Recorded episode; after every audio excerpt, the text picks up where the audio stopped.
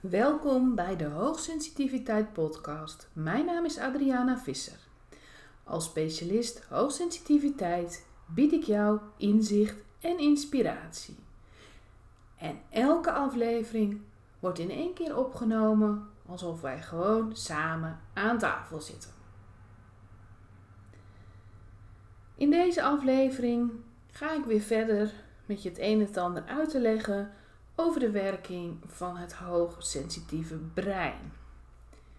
In de vorige aflevering heb ik al het een en ander uitgelegd over het feit dat je meer opmerkt. Je merkt meer prikkels op dan iemand die niet hoogsensitief is in dezelfde situatie. Je zenuwstelsel is gevoeliger.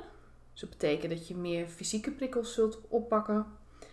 En je pikt ook meer emotionele signalen op. Daarin ben je anders. En als je meer opmerkt, heeft dat ook tijd nodig om het weer te verwerken. Dat zou voor iedereen sowieso al zijn. Maar, zoals ik al eerder zei, is de verwerking bij een HSP ook nog eens anders. De verwerking van die prikkels, van die informatie, is meer diepgaand. En dat hebben ze kunnen vaststellen door hersenscans. En dat was ook voor eens en voor altijd het bewijs dat het geen hype is, dat het geen modeverschijnsel is. Hoogsensitiviteit bestaat. En dat hebben ze aan kunnen tonen met hersenscans. In deze aflevering wil ik je daar toch iets meer nog over vertellen. Ik had al het een en ander gezegd over het verwerken in combinatie met het opmerken. Maar ik vind het toch noodzakelijk om nog iets meer te vertellen over wat er dan te zien was op die hersenscans. Wat er namelijk gebeurt is die diepgaande verwerking houdt onder andere in dat er meer hersengebieden actief zijn. Dus heel simpel gezegd, doen meer delen van je hersenen gewoon mee.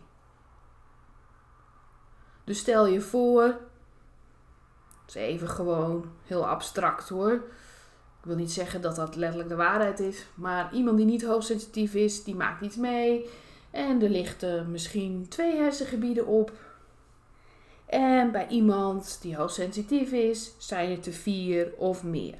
Daar moet je me niet aan houden, maar om het heel duidelijk te maken. Als je hoogsensitief bent, lichten er bij zo'n hersenscan meer actieve hersengebieden op. Dat kun je dan zien Daarnaast kun je ook zien dat de verschillende gebieden meer samenwerken. Je kunt zien dat er meer verbinding tussen ontstaat. Je bent je er misschien wel bewust van dat je alles meer diepgaand verwerkt, maar je stuurt dat niet bewust aan. Van nou, ik ga hier nog maar eens even meer over nadenken. En dan doen jouw hersenen dat?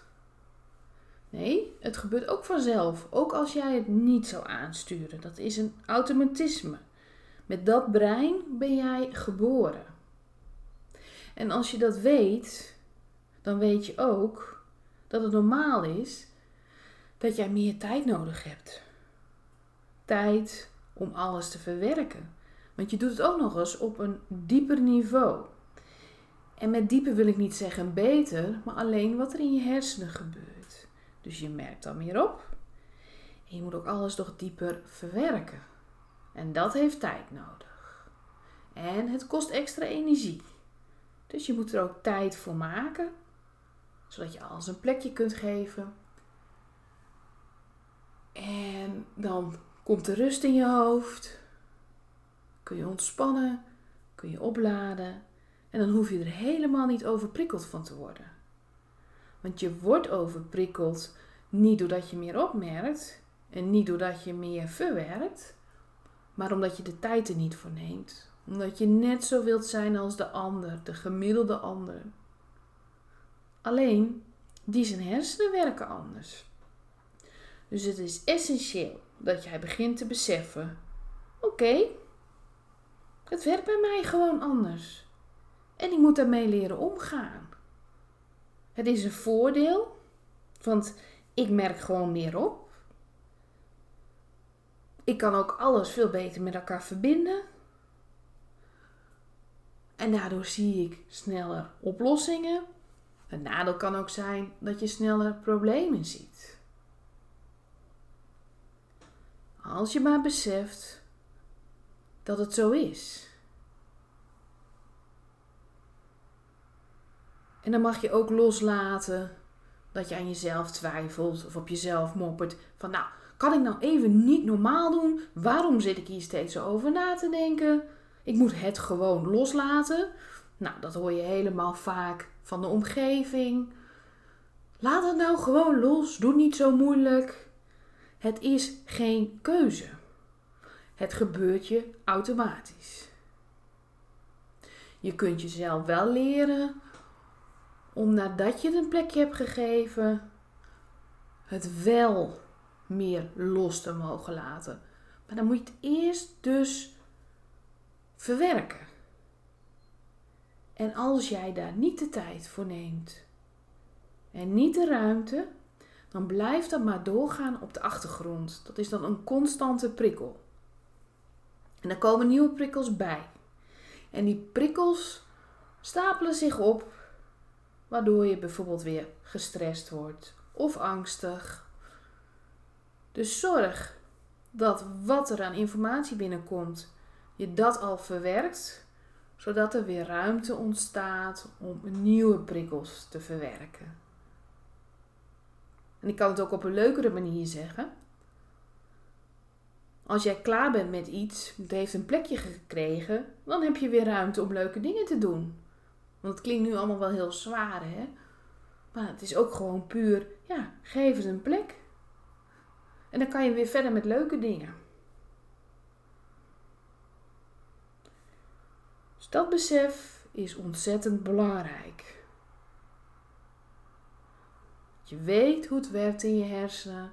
Je weet dat je daar rekening mee moet houden.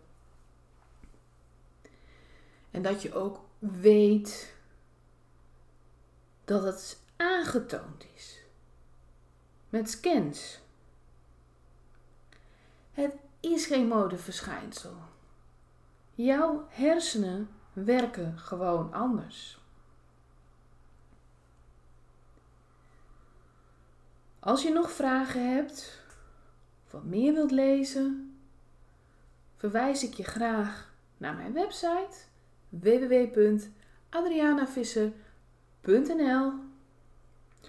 Tot zover bedank ik je voor het luisteren en in de volgende aflevering gaan we verder met het derde aspect. Het feit dat je als HSP anders reageert doordat je hersenen anders werken. Bedankt voor je aandacht. Dag!